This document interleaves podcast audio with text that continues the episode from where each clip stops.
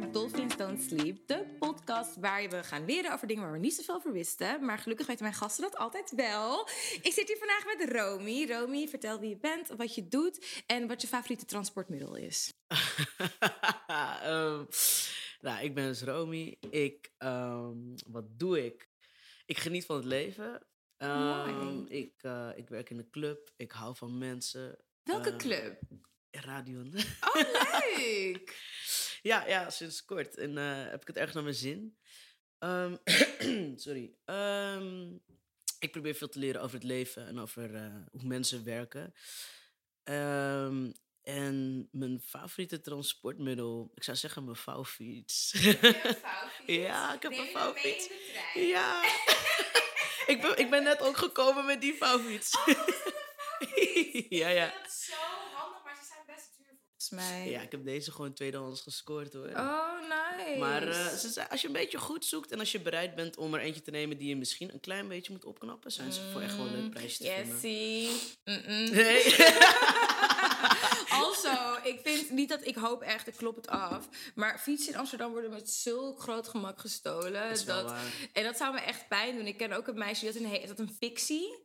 Ik weet niet of je dat kent. Dat is zo'n fiets zonder remmen en dan en zo'n raceachtige fiets. Mm. En daar heeft, die heeft ze helemaal zelf gebouwd. En die is toen gejat. Oh. Nou, sorry. Nee. Oh, ja, precies. nee, De dat- dat- Dat, pijn. doet me gewoon pijn, ja. Maar ik hoop, weet toch, dat God of whoever is up there is with you. En dat je deze vouwfiets tot in het einde kan houden. Maar cool, nice. Hm. Eh, we gaan het niet hebben over vouwfietsen. We gaan het hebben over polyamorie. Mhm. Vertel, wat Ja. is polyamorie? Ja, polyamorie is de notie dat je van meerdere mensen tegelijk kunt houden. En ik denk in het verlengde daarvan ook dat je dus relaties aan kan gaan met meerdere mensen tegelijk. De, de reden dat ehm, polyamorie, denk ik, gezien wordt als iets heel vernieuwends, is omdat we heel erg ehm, ja, monogaam zijn gaan denken. Ja. Ik denk niet dat we van nature heel monogaam zijn. Sterker nog, ik heb wel eens eh, een, ehm, een lezing bijgewoond over polyamorie. waarin we ook hebben gekeken naar eh, de dieren om ons heen. De dieren die het meest verwant zijn aan ons, voor verschillende aapsoorten. En dat eruit ook wel ge- geconcludeerd kan worden dat monogamie niet per se natuurlijk is. Oké, cool. En, ehm, Is ja, het hetzelfde als het hebben van een open relatie? Valt dat ook onder polyamorie of niet? Het kan vallen onder polyamorie. Kijk, polyamorie begint natuurlijk bij ehm, hoe je van mensen houdt. En voornamelijk ook dat je van verschillende mensen houdt. Het is, het is denk ik het ehm aan kunnen gaan van verschillende liefdevolle relaties met mensen. Oké, dus Soms gaat... ook het- verschillende romantische relaties met mensen. Maar je, je maakt dus ook heel erg onderscheid in eh, relaties die je aangaat met mensen. Want niet bij alle mensen haal je dezelfde behoeftes. Ja. alle relaties, snap je? Dus een open relatie zou daar eh, mee te maken kunnen hebben. Want niet alle mensen die polyamorie zijn, hebben de behoefte aan, verschillende, aan zeg maar, meerdere vaste partners. Ja. Weet je, dus als je een open relatie hebt, dan heb je misschien één vaste romantische partner, maar je wil wisselende sekspartners hebben, omdat je gewoon een bredere behoefte daarin hebt. En dat is niet ten nadele van die romantische partner die je hebt, of dat je daar geen seks mee wil, of dat die niet, weet je wel, dus ja, ja het klinkt wel kut, kut om te zeggen van, die is dan niet voldoende, maar het is niet zozeer een waardering aan die persoon, het heeft meer te maken met jouw behoeften. En het is dus eigenlijk heel oneerlijk om te zeggen... er zou maar één iemand moeten zijn die mijn behoefte kan bevredigen... als je constateert dat je behoefte niet door één persoon te bevredigen is. Snap je? Ja, dat snap ik. Ik ben, ik ben oprecht, ik geloof ook wel in het hebben van meerdere romantische partners en in open relaties en al dat. Het enige wat ik dan tegen, ehm, eh, tegenargument dat ik vaak hoor is dat mensen zeggen van ja, maar liefde is ook een soort van ehm, discipline hebben. Voor één, en met één en dezelfde persoon te blijven. Want uiteindelijk zou één en dezelfde persoon je moeten kunnen bevredigen. Ja, you don't nee, believe nee, that? Nee, nee, nee. Maar kijk, kijk want, want daar, maar daar gaat het dus alweer. Hoezo zou één, een, één persoon je moeten kunnen bevredigen op alle vlakken? Denk daar eens over na. Hoe groot is de kans dat je één persoon vindt... die op alle vlakken werkt? Ja, precies. Nee, maar, Ja. en, als daar, en daar komt wel de monogame notie vandaan, weet je. En dat is zeg maar, kijk, niets tegen monogamie, maar ik denk dat je realistisch moet zijn tegenover je- jezelf. En eerlijk ook.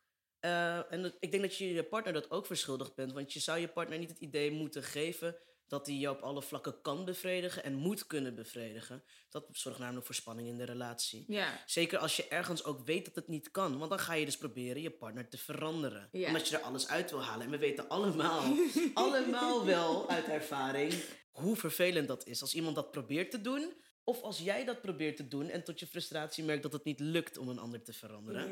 En je dan maar met leden ogen moet toezien hoe je relatie kapot gaat. Ja, dan zou ik zeggen, ga alsjeblieft ergens anders die behoefte halen die je bij mij niet kan vinden. Dan hoef ik er niet onder te lijden met mijn relatie met jou. I love that. Toch? En ik begrijp je, maar ik, ben jij single op het moment als ik vragen mag? Ik heb op dit moment geen romantische partner.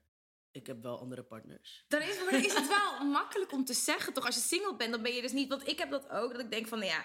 Ik vind dat wat mijn persoon, mijn, mijn partner en ik met elkaar hebben... iets is tussen ons. Mhm. En als hij iemand anders heeft, waarmee hij iets anders deelt... dan is dat cool. En als hij uiteindelijk hotel de boter verliefd wordt op iemand anders... dan is dat ook goed voor hem. Want dan ben ik dus schijnbaar niet de ware. Maar, ik zeg dit, being single.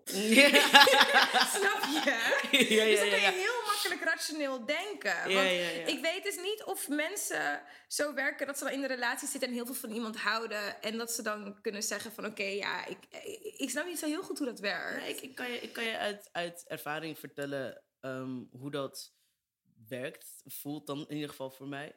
En Dat is zeg maar ehm, eh, gewoon het besef dat je denkt van, oh, nou, ik ontmoet persoon A, vind ik heel leuk, helemaal tot over mijn oren.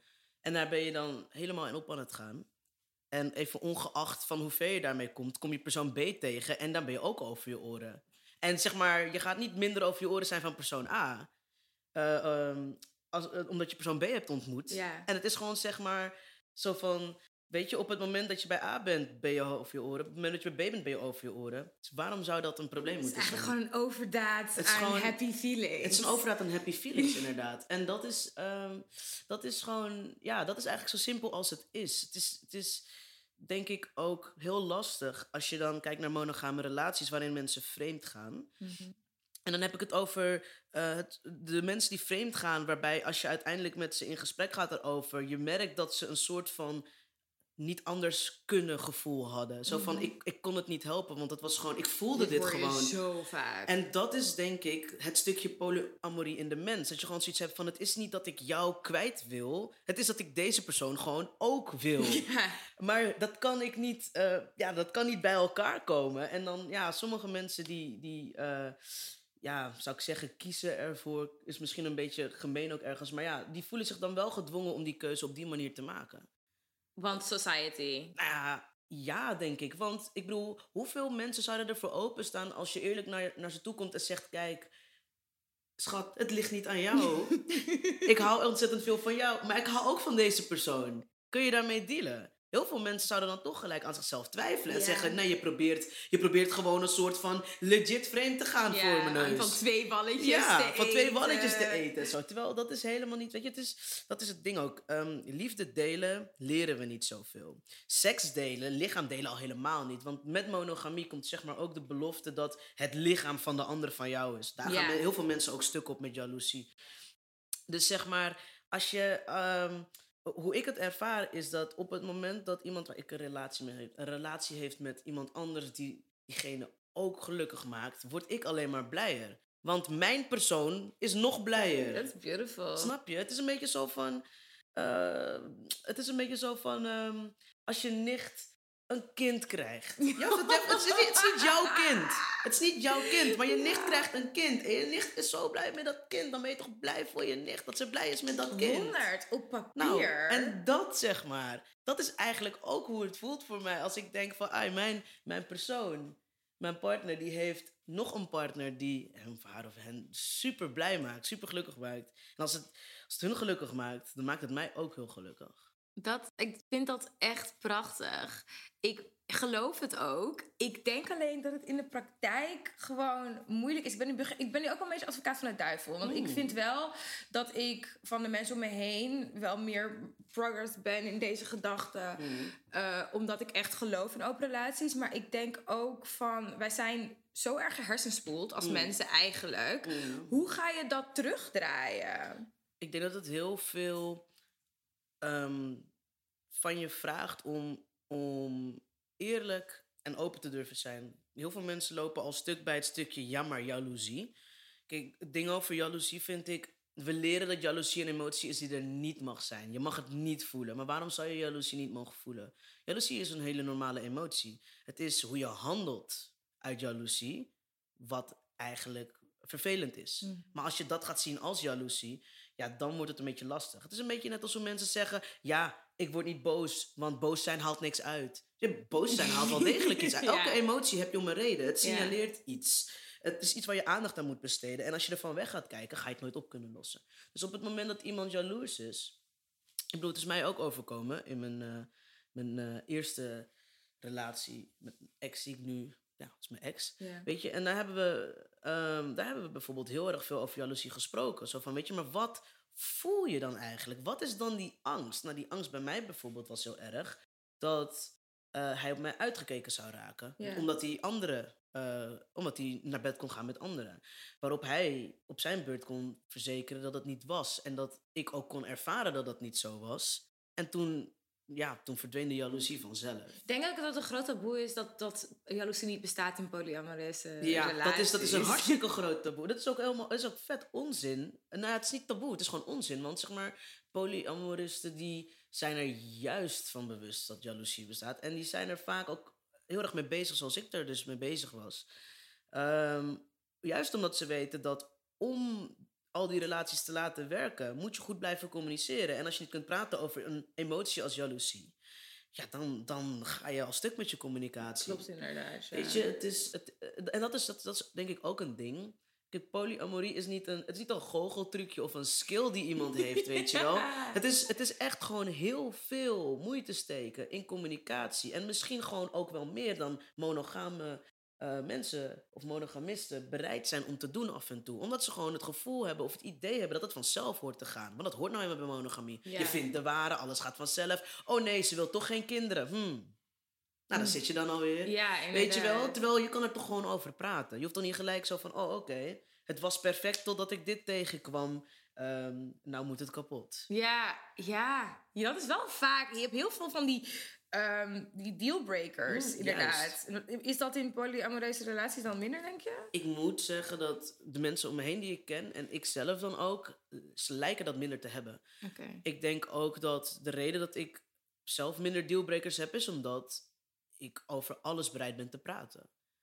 Ehm, ik denk dat het, weet je, ik, ik dacht altijd wel van, weet je, een dealbreaker voor mij is als iemand zegt van, nou ja, weet je, maar ik ben monogaam en ik zou, eh, ik zou nooit, eh, ik, zou dat niet, ik zou dat niet willen of zo. Dat ik dan denk van, oké, dan begin ik niet eens met je.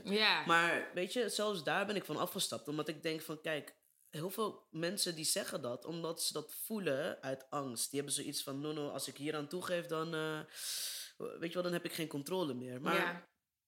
uit ervaring merk ik dat als je zeg maar niet te veel bezig bent met hoe het heet, maar gewoon bezig bent met het doen, dat mensen vanzelf ervaren dat ze het wel of niet fijn vinden. ja. En dat is veel belangrijker dan op de man afvragen van... oké, maar ik ben polygaam en ik ben polyamoreus, kan je dat aan? Weet je wel? Want kijk, ja, dat is zeg, ja, dat is zeg maar heel confronterend. Klopt. En sommige mensen hebben daar niet eens over nagedacht. Ja. En weten dus nog niet eens of ze dat aan kunnen. En als je dan direct een antwoord moet geven, dan is het waarschijnlijk nee. Ja. Even terug naar de basics. Want je zei dat je bij een lezing was geweest en dat veel van het in het dierenrijk Ja. eh, dat ze polyamoreuze relaties hebben. Is, hoe, weet je hoe dat zit met de mens? Weet je iets van de geschiedenis van onze relaties? Ehm, ik, ehm, ik heb daar zelf veel over nagedacht. Ik heb verschillende dingen gelezen. Wat ik uit de lezing heb gehaald is dat mensen eh, hoogstwaarschijnlijk seriële monogamisten zijn. Ehm, en dat, eh, maar dat polyamorie niet een ding is dat daar niet per se bij hoort. Oké. M- seriële monogamisten lijkt me het meest logische vanwege ja, voortplanting zou ik zeggen. En waar ik zelf ook heel veel over nagedacht heb nadat ik wat gelezen heb over eh, de menselijke seksualiteit, is dat we ehm, afhankelijk van waar we wonen als mensen, ehm, wordt er veel meer polygamie, ehm, hoe noem je dat? Be- ja, ik wil zeggen beoefend. Ja, nee, ik snap wat je bedoelt. Ja. Want voor zover ik weet, is monogamie heel erg gepusht door het geloof. Dat geloof ik wel. En monogamie, als je er biologisch over nadenkt, de enige functie die het heeft, is verzekering dat je je voortplant. Ja, Want monogamie gaat over een hetero-stel. En het gaat over bij elkaar blijven tot het dood scheidt. Dus het is zeg maar ervoor zorgen dat je je voortplant. En ervoor zorgen dat het goed komt met, met, met je nazaat. ja. Dat is eigenlijk wat monogamie het is eh, ook een is. economisch ding, denk Ja, ik. en dan ja. kun je, daar kun je een hele maatschappij op, eh, op inrichten Dat uiteindelijk. hebben ze goed gedaan. Ja, want je ziet nu ook, nu er juist heel veel meer oudergezinnen ontstaan, weet de maatschappij daar niet mee om te gaan. Terwijl er eigenlijk echt geen probleem is wat meer oudergezinnen betreft. Ehm, Volgens mij heb je Als je de jackpot gewonnen als je een zeer ouder ik, ik, eh, ik weet niet, ik, ik heb het wel eens, eh, ik, ik zie het wel eens om me heen en ik moet zeggen, het trekt mij ook. Het, het trekt mij eh, eigenlijk al voordat ik het zag, want toen ik ehm, als puberend eitje in mijn kamer zat te fantaseren over iedereen waar ik verliefd op was, toen zat ik ook verder te denken, dacht ik van oké, maar het is nu nog cute, want nu vind ik zeg maar vier mensen tegelijk leuk. maar als ik nou twintig jaar ouder was en ik wilde kinderen, wat moest ik dan doen? Moest ik dan de, de, de nieuwste soort van eh, daar een relatie mee aangaan en de rest skippen onder het mom van ja, we kunnen geen relatie hebben, maar dan blijven jullie gewoon een soort van close bij de familie, weet toch? En dan hebben we gewoon wel kinderen met z'n allen, maar jij toch, en dan kopen we gewoon een groot huis en ja. Snap je? Ja, ik snap Toen dacht je. ik echt bij mezelf van, ik weet nog niet hoe ik dit ga bolwerken. Maar ik ga het mezelf echt niet zo moeilijk maken. Ik ga echt niet onder stoelen of banken schuiven dat ik gewoon een groot gezin wil met verschillende mensen Ja. of zo. Dat is echt, dat is heel raar. En, en het, het was ook raar, vond ik, dat ik dan eh, tot de conclusie kwam dat ik door hoe de maatschappij werkt daar op die manier over na moest denken. Ja, inderdaad. Dat ik gewoon, zeg maar, weet je, dat het, dat het waarschijnlijk niet eens mogelijk is om te zeggen: ik wil met vier volwassenen dit huis kopen. Omdat mensen dan zeggen: ja, maar dat. eh, pff, eh, Dat- oké, dat of misschien niet. kopen dan wel, maar huren misschien niet.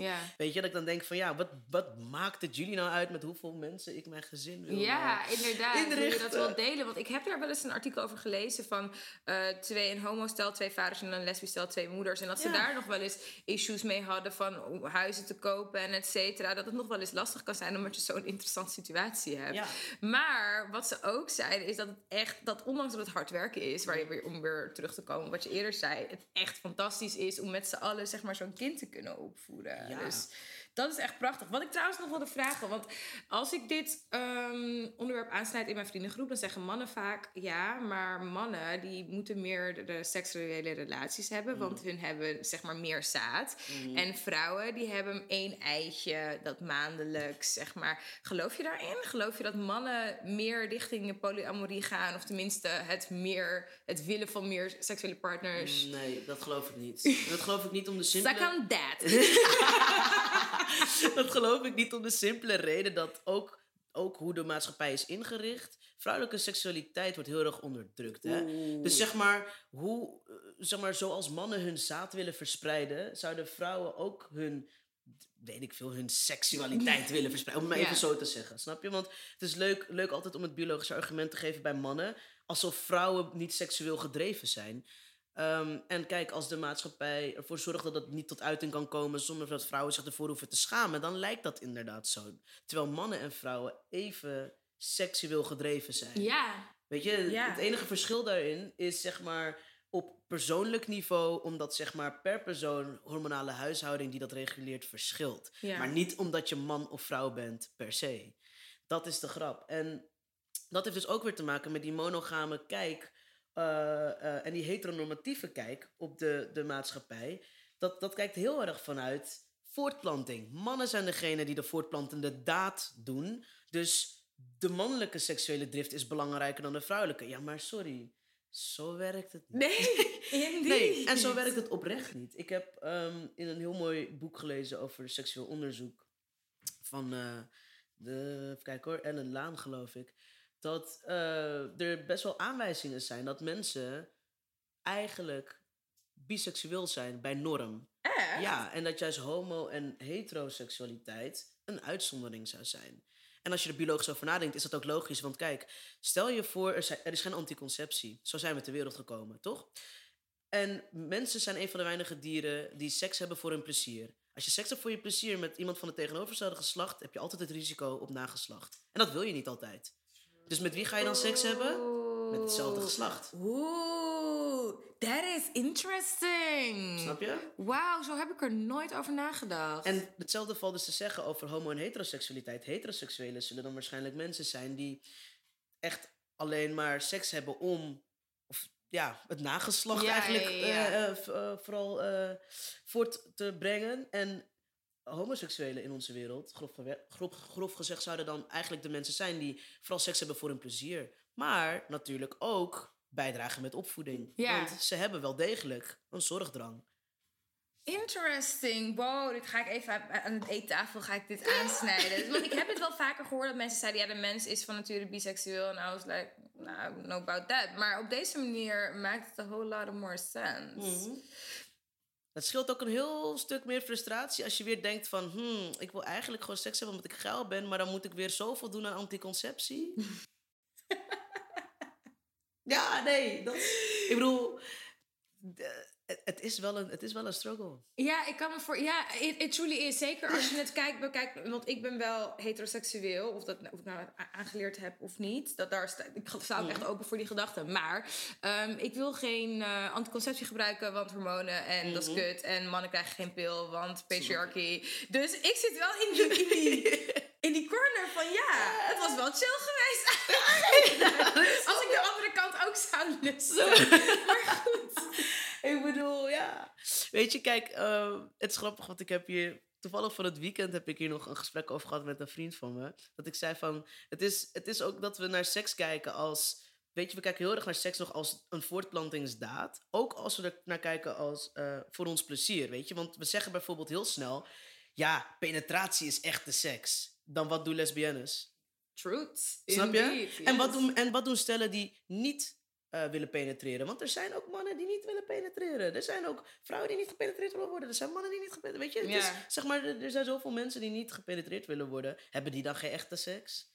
Weet je wel? En daarbij, elke seksuele handeling valt onder seks. Je hebt seks zodra je seksuele handelingen verricht. Niet alleen als er eh, iets ergens ingaat. Eens. Maar dat is weer vanuit dat beeld Ja. van dat die piemel zo belangrijk is. Ja, Snap Terwijl als je gaat, naar seks gaat kijken als iets voor je plezier ook, als een spel zeg maar, dan liggen er ineens heel veel meer mogelijkheden open om aan je trekken te komen.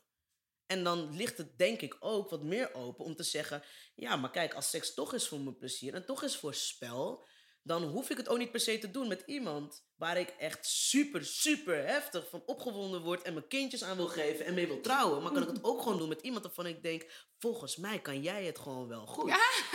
En dat kan ook iemand zijn van hetzelfde geslacht. En daar hebben we speeltjes voor, in sommige gevallen. truth indeed. Snap je? Dat is zeg maar, het is... Hoe meer jij praat, hoe meer ik denk, wow, de wereld heeft echt dingen in mijn hoofd gestopt.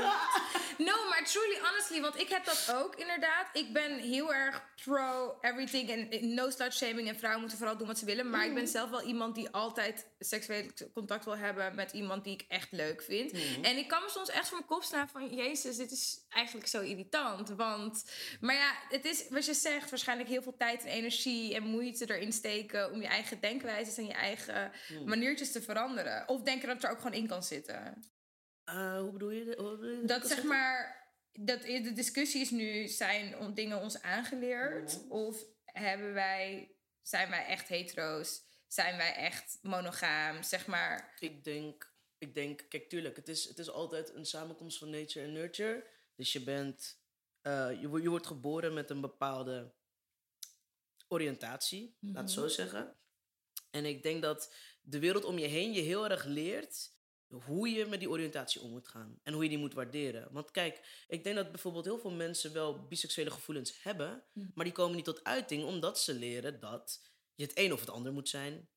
Of dat eh, de homoseksuele kant van die gevoelens, dat die niet geaccepteerd worden. ja. Of dat je daardoor eh, misschien dusdanig eh, gaat twijfelen aan je geaardheid dat je het niet eens durft te verkennen. Weet je wel? En ehm, het is natuurlijk ook veel, veel genuanceerder dan alleen seksualiteit. Hè? Soms dan kun je wel romantische gevoelens hebben voor iemand waar je gewoon geen behoefte hebt om seks mee te hebben. Dat is dan ook nog eens een ding. Dus zeg maar die zogenaamde bromances van sommige boys. weet je wel? Kijk, je kan, je kan best wel echt gewoon houden van je mattie. Ja, dat Gewoon mag. oprechte lobby, weet je wel.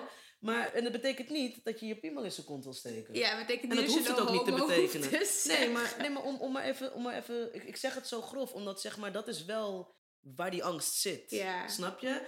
En, en dan is het ook dat die angst is van, weet je, hoe zullen anderen ernaar kijken? En dan ben je eigenlijk veel meer bezig met ehm, het beeld voor anderen zetten zoals jij wil dat ze het zien, dan bezig zijn met hoe je je voelt. Namelijk dat je gewoon iemand naast je of tegenover je hebt waar je ontzettend veel om geeft. En dat je eigenlijk gewoon het hartstikke fijn vindt om ook affectioneel naar die persoon te kunnen zijn, zonder dat daarbij je geaardheid in twijfel getrokken wordt. Ja, ik denk dat wij met z'n allen een stuk meer bezig zijn met eh, andere mensen dan dat we durven toe te geven. Mhm. Echt. Want iedereen zegt altijd, oh, I don't care what people think about me, but Ja. Loki, Ja. you do. En dat is, dat is dus ook met polyamorie dus weer heel erg zo, denk ik. Dat mensen van zichzelf vaak wel weten. Want ik denk dat je weet het altijd wel. Ja. Het is alleen, hoe eerlijk durf je tegen jezelf te zijn? Weet je, dus ze weten het wel. Ook als ze in die monogame relaties zitten. En maar ze denken van ja, maar hoe ga ik dit... Hoe ga ik mijn vrouw dit uitleggen? Hoe ga ik mijn moeder dit uitleggen? Kan ik met twee partners komen met kerst? Hè? Kan ik dit? Hoe gaan mijn vrienden reageren? Ja, dan... eh, Ja, inderdaad. Ja. En uiteindelijk heb je inderdaad vaak situaties waar, die- waar mensen vreemd gaan. Ik had een Mhm. oom die had zonder schaamte een buitenvrouw. Het is ook niet erg. Maar dat is wel iets wat dan achter de deuren moet blijven. Dat ik denk van ja, je kan ook gewoon eerlijk zijn over who the hell you are. Ja. Oké, we gaan heel even naar de break.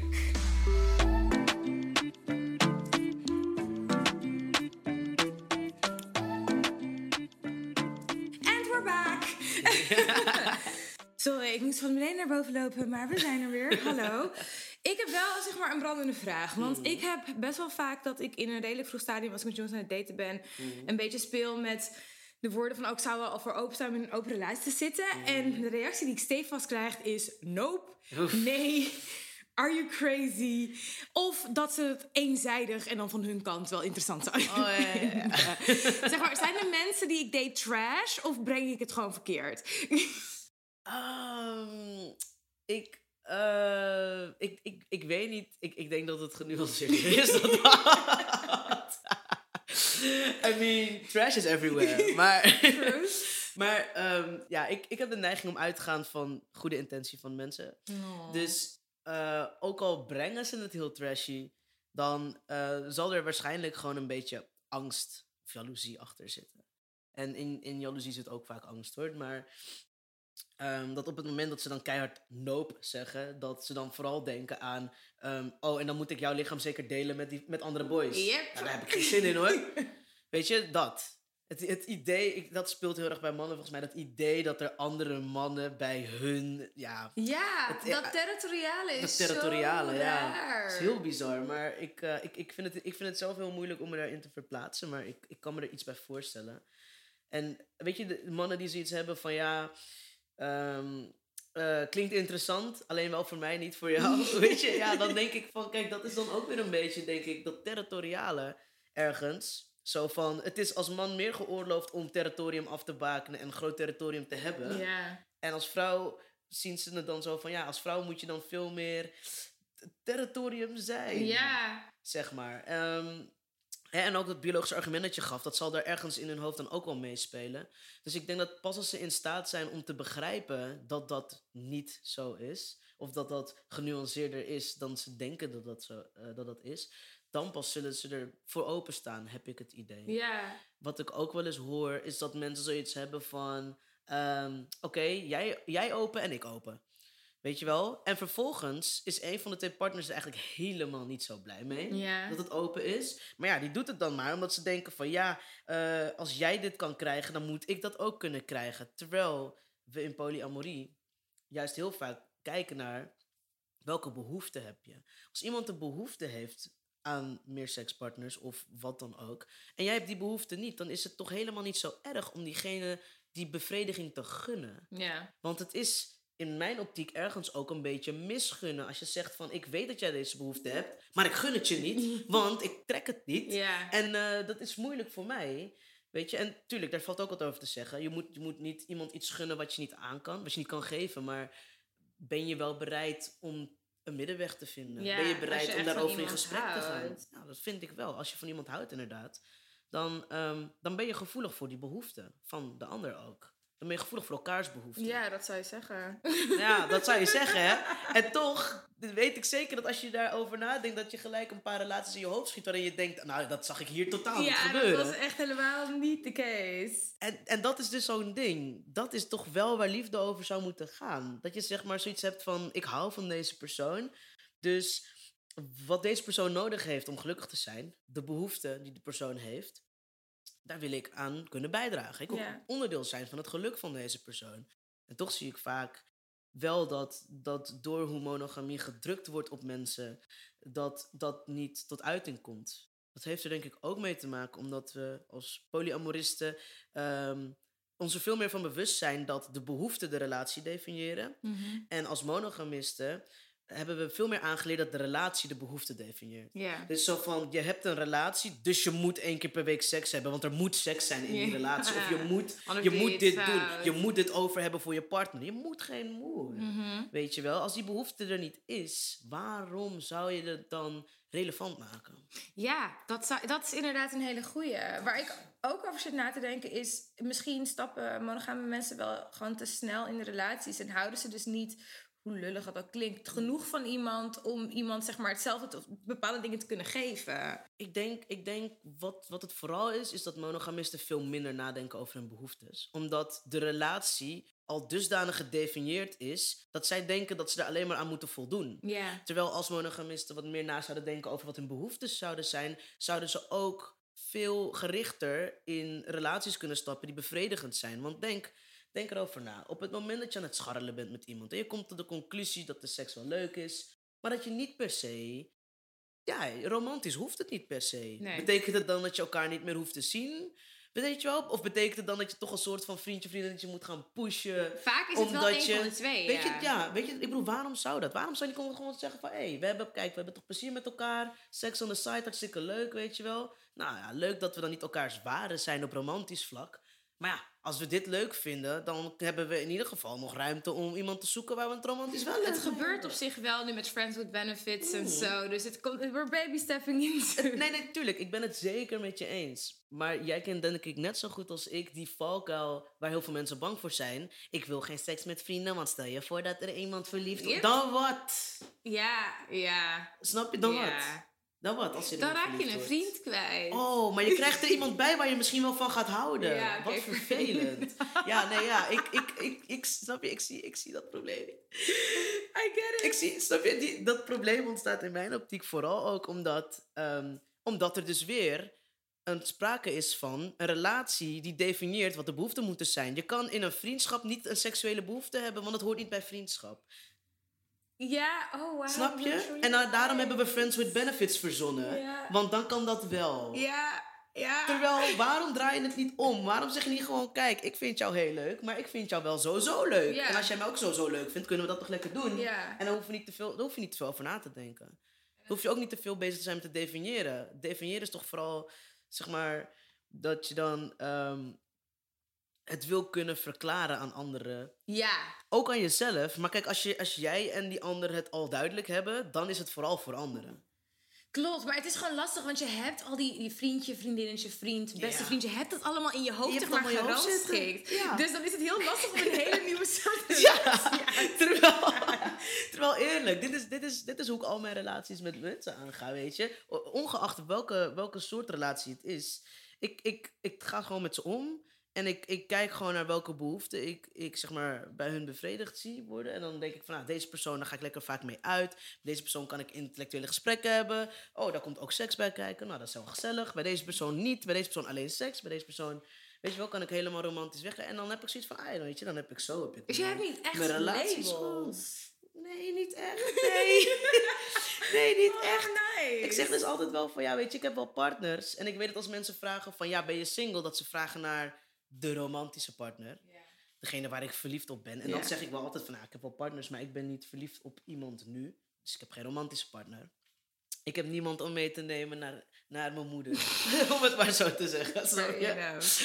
Dus ja, dat, ehm, dat, dat, dat is ook gewoon, dat is veel makkelijker. Als ik over alle relaties die ik nu heb, als ik daarover ga moeten nadenken, ook ze ga moeten definiëren. Dat is, ik weet niet eens of ik toereikende labels kan vinden, snap je? En je vindt dat niet erg? Nee. Want we, nee, want we weten, zeg maar, de mensen en ik, die weten, we weten wat onze relatie inhoudt, snap je? En dat is zeg maar, dat, dat is toch eigenlijk het enige wat Het uitmaakt. is veel communicatie wel. Het is inderdaad gelijk. Het is het enige wat uitmaakt. Maar je moet wel op één lijn zitten. Ik denk dat ik dat ook moeilijk vind. Dat ik mensen niet helemaal vertrouw. En ik heb dat ook gewoon vaak meegemaakt. Als je heel duidelijk bent tegen iemand van... Dit is wat ik wil. Is dat oké? En een persoon oké zegt. En dan when push comes to shove. It's not okay. En dan denk ik...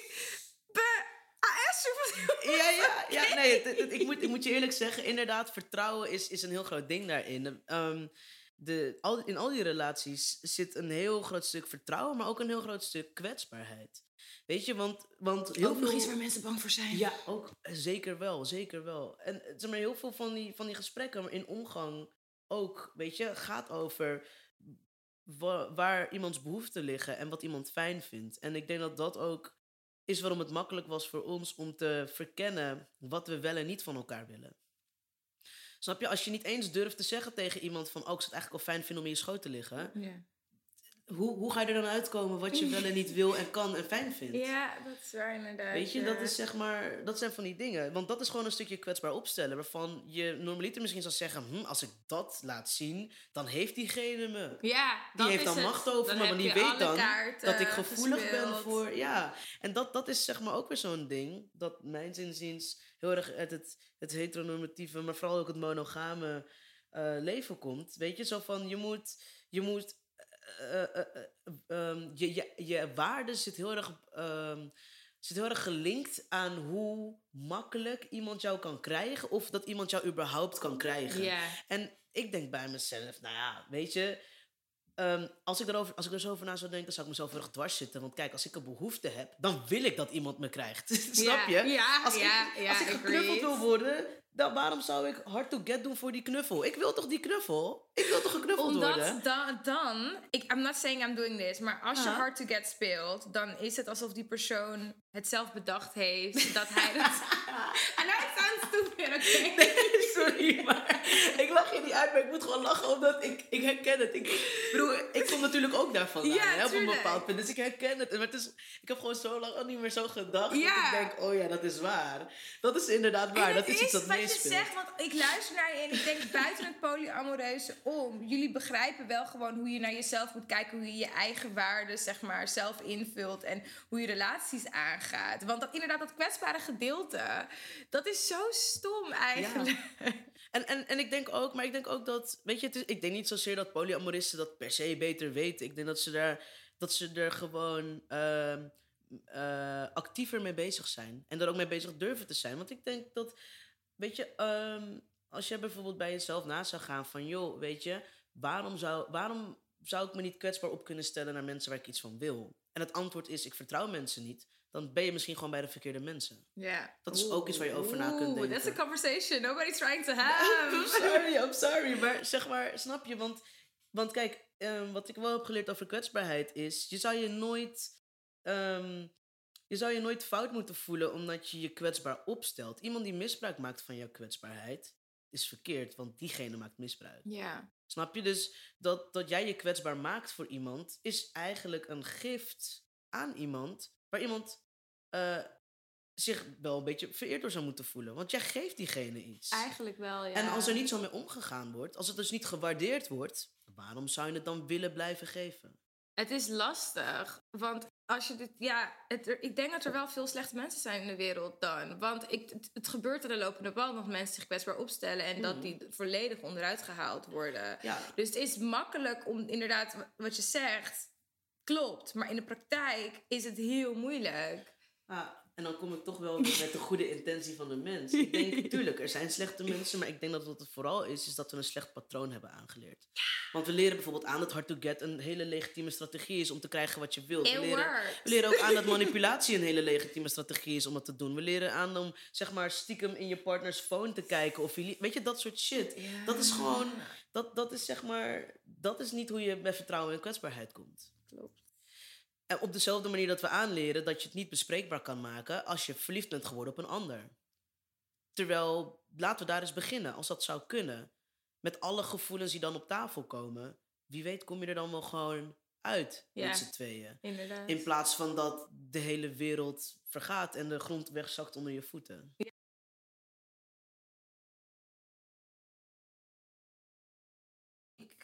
Probeer dit echt. En de mensen om me heen, zeker de mannen om me heen, Mm. werken gewoon niet mee. Ja, nee, ja dat, dat is inderdaad. Ik moet ook zeggen, dat is ook wel vervelend. Ehm, en ik denk dat het ook een heel erg. eh, wat je uitzendt, trek je aan. weet je wel, idee ja, zal is. vast ook aan mij liggen. En dan natuurlijk ook. Nou ja, kijk, weet je, als jij, als jij daarin heel zeker bent. Dan gaan die mannen die daar niet mee kunnen. gaan sowieso niet meer geïnteresseerd in raken. Ja. Maar die mannen die daar wel mee kunnen. die gaan dat wel. want die herkennen dat Ja, dan. Dat is een beetje hoe het zit. Dus op een gegeven moment. omring je jezelf ook met mensen die gewoon like-minded zijn. ja, dat geloof En dan is het natuurlijk ook veel makkelijker om zo'n relatie op te bouwen. Kijk, ik zou nooit, ik zou nooit naar een plek gaan eh, waar ik vroeger bijvoorbeeld wel eens rondhing. Omdat ik weet dat daar die mensen niet zijn die ik zoek. They're not gonna catch you. Snap je? Ik bedoel, ik, ik, ik- ik vind het niet erg, maar ik verwacht niet, laat ik zo zeggen, ik verwacht niet daar een partner te vinden. Laat, eh, snap je? En het, het kan me altijd eh, ongelijk bewijzen, maar ja, als ik, als ik nog voor de grootste kans van slagen ga, dan... Dan blijf je gewoon Snap in je? je Dan ben ik gewoon in mijn eigen, in mijn eigen kringen. Ehm, dus daar heeft het denk ik ook een beetje mee te maken. Het is gewoon dat ehm, we leren ook, denk ik, dat, mak, eh, dat, dat seks en, en, en liefde, dat er ook heel erg veel machtsspel bij komt kijken soms. En Ja, dat- dat, dat is is zo transacties zonde. zijn. Ja. t- transacties inderdaad ook. Ja, dat, dat is zonde. En ik bedoel, kijk, tuurlijk, je kan best eh, een seksuele transactie hebben met iemand. Daar gaat het niet om. Maar als je het hebt over liefde, dan heb je het, hoop ik, niet over transacties. Dat zou je inderdaad hopen. Weet je, dat, dat is een beetje het ding. Dus ja. Maar oké, even, want ik weet zeker dat iedereen dit wil weten. Als je in een polyamoreuze relatie zit, my Mm. gosh. Hoe zit dat dan met regels en wat mag wel en wat mag niet? Want dat is waar, vaak waar monogame mensen zich maar, zorgen om maken. Mhm. Hoe maak je regels? Hoe maintain je de regels? Maak je überhaupt regels? Of kan iedereen gewoon tits out doen wat ze willen? Out. ja. Nou ja, ehm, ik denk dat de manier waarop ik het zou willen uitleggen, is dat het simpeler is dan je je kunt voorstellen. Want als je naar alle betrokkenen, alle betrokkenen kijkt en zegt, nou, welke behoeften hebben wij?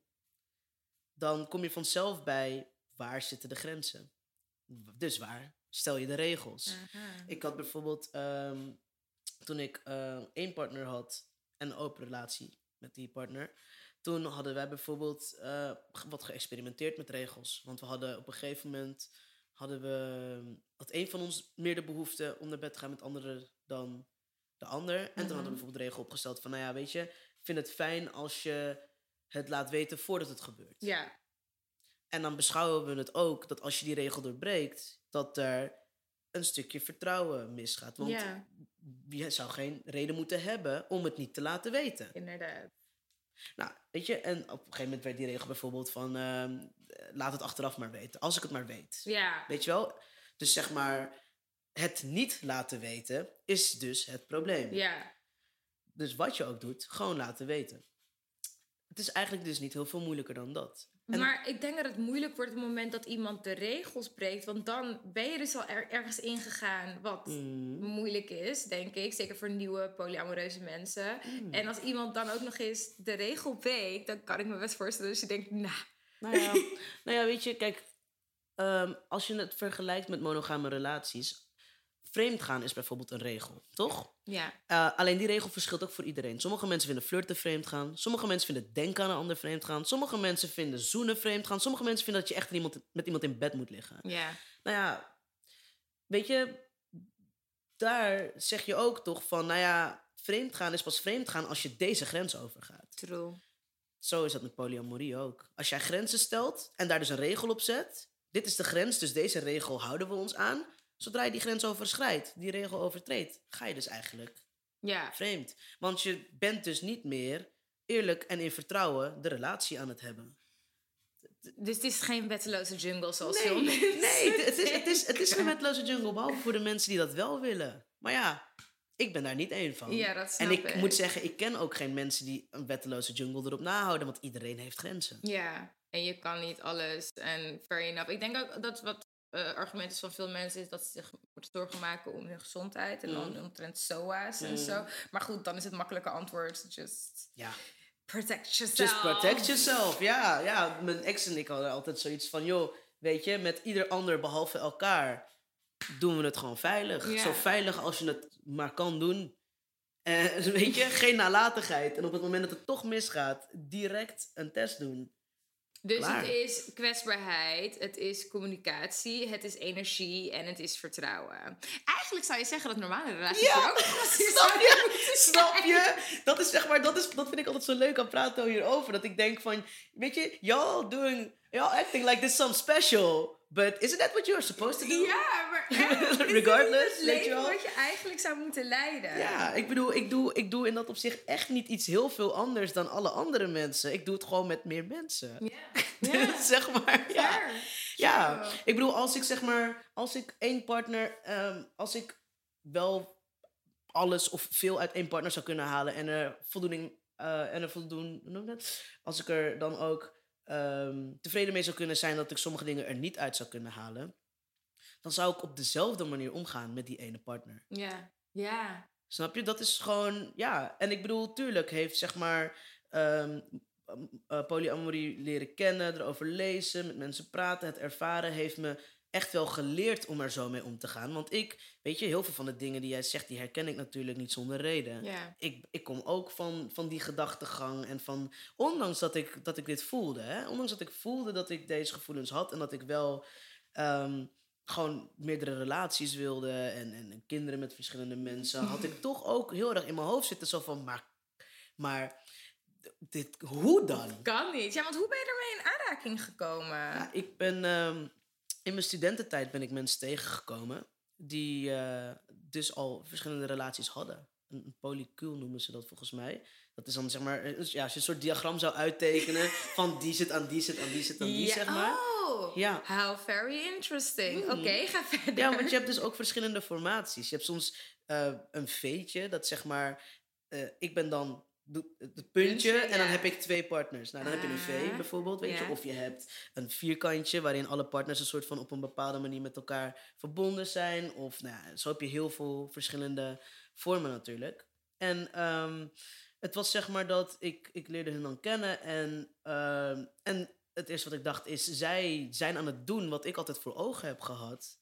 Eh, Wauw, weet je, dus ik kon, het, ik kon het ineens van dichtbij meemaken. En eh, nou, ik ben bevriend met ze geraakt. En, en eh, toen heb ik ook wel echt van dichtbij kunnen ervaren hoe dat in zijn werking gaat. En, ehm, en, en hoe mooi dat kan zijn. Maar ook wat de moeilijke dingen eraan zijn. En, Heb je ehm, ooit getwijfeld of het wel echt iets is voor jou? Nee, nooit.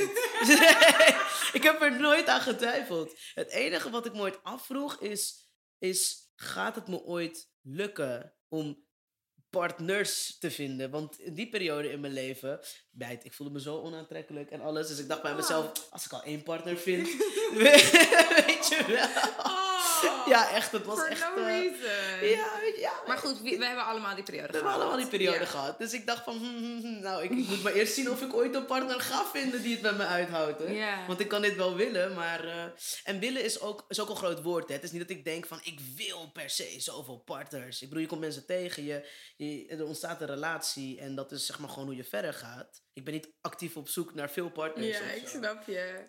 Weet je, ik bedoel, waar ik wel actief naar op zoek ben, is eh, als ik echt een behoefte heb voor een bepaalde relatie. Dus bijvoorbeeld omdat ik geen romantische relaties heb op dit moment, ehm, was ik wel heel actief op zoek naar seksuele relaties. Ja. Weet je, en of dat dan eenmalige sekspartners zijn of vaste sekspartners worden, dat maakt me dan niet zo heel Ik veel vind uit. het echt cool dat je dat zegt. Want ik denk dat er heel veel mensen, heel veel mensen, actief op zoek zijn naar seksuele relaties. En out there zijn like, oh nee. I'm not doing anything. Mannen en vrouwen. Terwijl ik echt denk van, there's eigenlijk no shame in that either. There's no shame in that. Je hoeft niet, je hoeft niet onder de koffer op Tinder te zitten daarvoor hoor. Nee, ja, inderdaad. Ja, ja, ik weet niet. Ja, ja nee, I know. Het is, ik, ik bedoel, ik, ik, wil niet, ik wil niet, zeg maar, eh, hoe noem je dat? Een beetje preachen van mijn high horse of zo. Maar het, is, het is wel gewoon dat ehm, ik misschien ook wel gewoon een beetje het, het geluk heb dat ik, ehm, dat ik op een gegeven moment gewoon wel in vriendengroepen terecht kwam waar dit ook al leefde. Weet je, waar, waar bijvoorbeeld die, in, in die vriendengroepen hadden bijvoorbeeld ook heel veel mensen hadden ook gewoon seks met elkaar.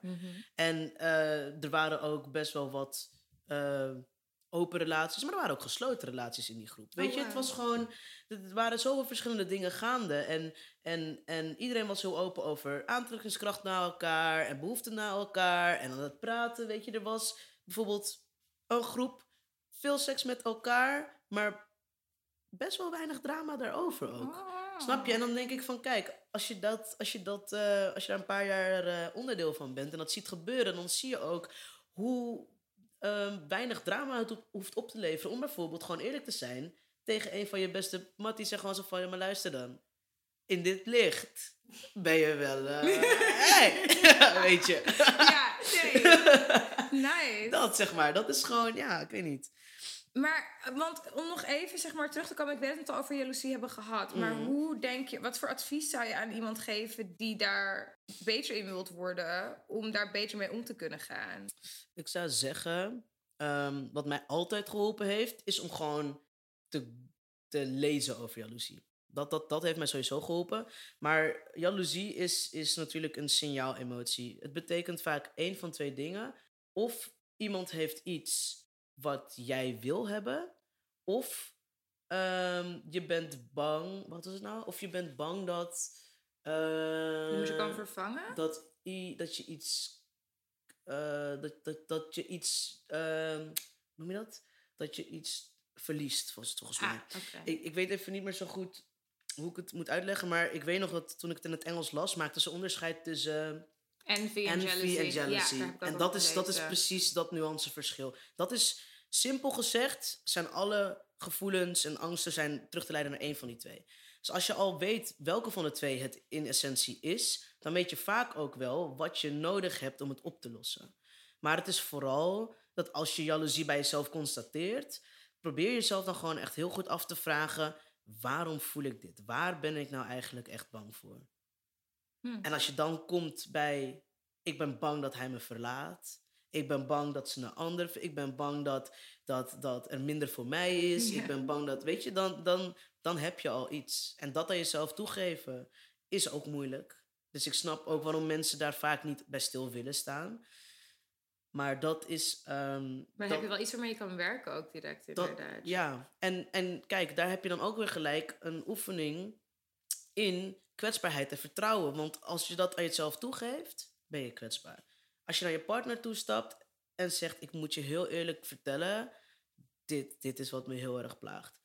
Dan, weet je, dan heb je daarin al ehm, zo'n een, een kwetsbaar stuk van jezelf neergezet. Als de partner dat goed herkent en er goed mee omgaat, dan, dan bouw je een heel stuk vertrouwen en intimiteit op door daarmee aan de slag te gaan samen. Ja. En dat, dat is hoe dan ook alleen maar winst voor je relatie. Helaas is het natuurlijk ook wel zo dat sommige mensen er heftig op reageren en dat het fout gaat.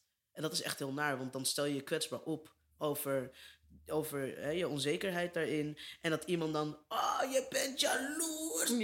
Dat, wat. En die gaat je dan helemaal veroordelen voor, de, voor je emoties. Maar dan weet je ook wat je aan iemand hebt. Ja, dat is helemaal waar. Dat wil ik net zeggen inderdaad. Ja, dan weet je ook van oké, so this is you. And this is you when I'm vulnerable. Yes. Good to know. Beter vroeger dan later. Snap je? Yes. Hoe zie je de toekomst? Denk je dat de wereld vooruit gaat? Denk je dat de wereld meer eh, polyamoreuze relaties meer gaat accepteren? Ja, ik denk het wel. Ik denk het wel. Want ehm, ik heb zo het gevoel dat we steeds meer van onszelf ontdekken dat de werkelijkheid genuanceerder is. Ja. Zo, dat is wel mijn, mijn zin van. Ja, nee, maar het is- het is maar wel het is, zo. het is zo, toch? Ja. En, en hoe meer we dat gaan nuanceren, ik denk dat het ehm, eh, onvermijdelijk is om dan uiteindelijk uit te komen daar. Snap je? Ja. Dat is gewoon. eh, want ik bedoel, kijk om je heen. We zijn bijvoorbeeld alleen al het feit dat we de hele regenboogcommunity veel meer aan het accepteren zijn. Daarmee komt ook heel veel eh, aanloop tot meer oudergezinnen. Klopt. Want ja, er zijn nou eenmaal, eh, eh, hoe noem je dat? Ehm, eh, hoe noem je dat ook alweer? Draagmoeders Ja, nodig. Er zijn mensen die kinderen willen die dat niet zelf kunnen verwekken. Er zijn mensen die kinderen willen opvoeden, maar ze niet per se willen verwekken of, Ja. of baren. Of, weet je, dus de, en, en dat is gewoon allemaal mogelijk. Dat is al jaren mogelijk. Maar nu gaan we het ook veel meer doen. Eigenlijk. En hoe zie je de toekomst voor jezelf? ik wist dat deze Hoe zie ik de toekomst voor me van mezelf? Nou, Ik zie voor me dat ik, ehm, dat ik echt een, eh, een hele fijne romantische partner ga hebben. Waar ik wellicht mee samen ga wonen. Maar dat weet ik niet zeker. Ik zie het namelijk ook al voor me dat ik ehm, toch liever op mezelf woon. Al dan niet met mijn kind of kinderen. Mhm. Ehm, maar ik kan wel zeggen dat ik eh, stiekem al een beetje in de planning heb met een aantal van mijn partners. Dat we een kind willen verwekken in de toekomst. En dan met z'n drieën waarschijnlijk gewoon dat kind gaan opvoeden. Oh, wat leuk! Dus dat is zeg maar oh, ook al een lucky child. wat tof. Maar wat leuk als je die gesprekken ook nu gewoon Ja. al hebt. Oké, interesting. Maar dus het wordt niet één groot enorm landhuis met allemaal verschillende mensen. Dat, eh, dat, eh, dat weet ik nog niet. Want zelfs in deze situatie met dat kind en, eh, en ons drieën hadden we al zoiets, had ik al zoiets van, weet je, maar de eis voor mij is wel dat het huis groot genoeg moet zijn, want ik heb mijn ruimte. nodig. Ja, my space. Weet je wel? personal preference. Het Het is- niks met jullie te Het is, ja, het is gewoon een personal preference. Maar ja, kijk, aan de andere kant, als je het gewoon een beetje goed bolwerkt en we wonen bijvoorbeeld niet allemaal bij elkaar, maar wel in de buurt van elkaar, is er niks aan de hand. Ja. Dan heeft het kind meerdere huizen, dat klopt. Maar het is geen vervelende omstandigheid. Kinderen kunnen overal aan wennen. Dus Heel makkelijk. Prima, dan, ik eh, had een, hoorde een situatie over dat twee gezinnen, dus eh, mannen en de vrouwen, die hadden huizen op elkaar. mm, Een beetje ja. als missionettes. Dus dat is gewoon prima. En dan heb je gewoon je eigen huis, je eigen koelkast, je eigen space. Juist. En dan heb je nog steeds wel gewoon contact met elkaar. Dus dat is best wel...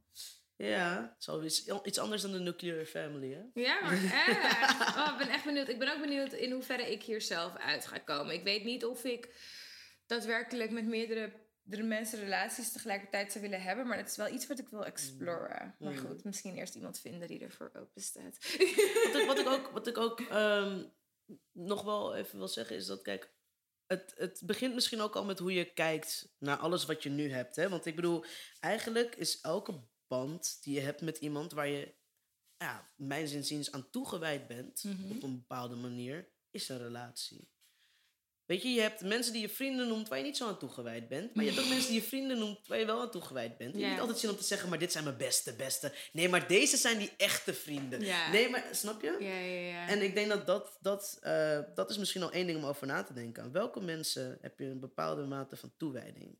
Dat zijn dan waarschijnlijk ook mensen waar je waarde aan hecht. En misschien zijn het ook wel mensen waar je echt van houdt.